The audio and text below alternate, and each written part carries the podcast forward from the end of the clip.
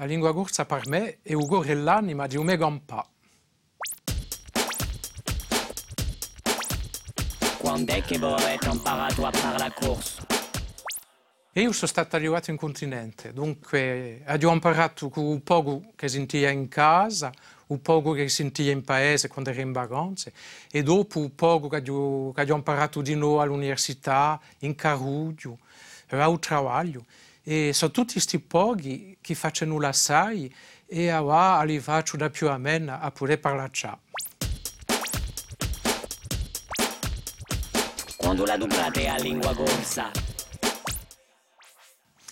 Allora, la, la lingua la do provare in condizione piuttosto naturale, dunque in famiglia, in paese, con amici e al lavoro, e la do di noi in un modo più moderno, a non, per un detto, a non siti internet e per mandare gli sms quando mi ho di un telefonino. Chi rappresenta per voi la lingua corsa? A titolo generale, la lingua per me rappresenta ciò che ci lega al nostro passato, ai nostri antenati, ai nostri vecchi, alla nostra cultura. E a titolo più personale rappresentava piuttosto una mancanza che si è trasformata in una brama e dopo in un acquisto. Ecco ciò che la rappresenta per me. Come dite la bene di lingua corsa?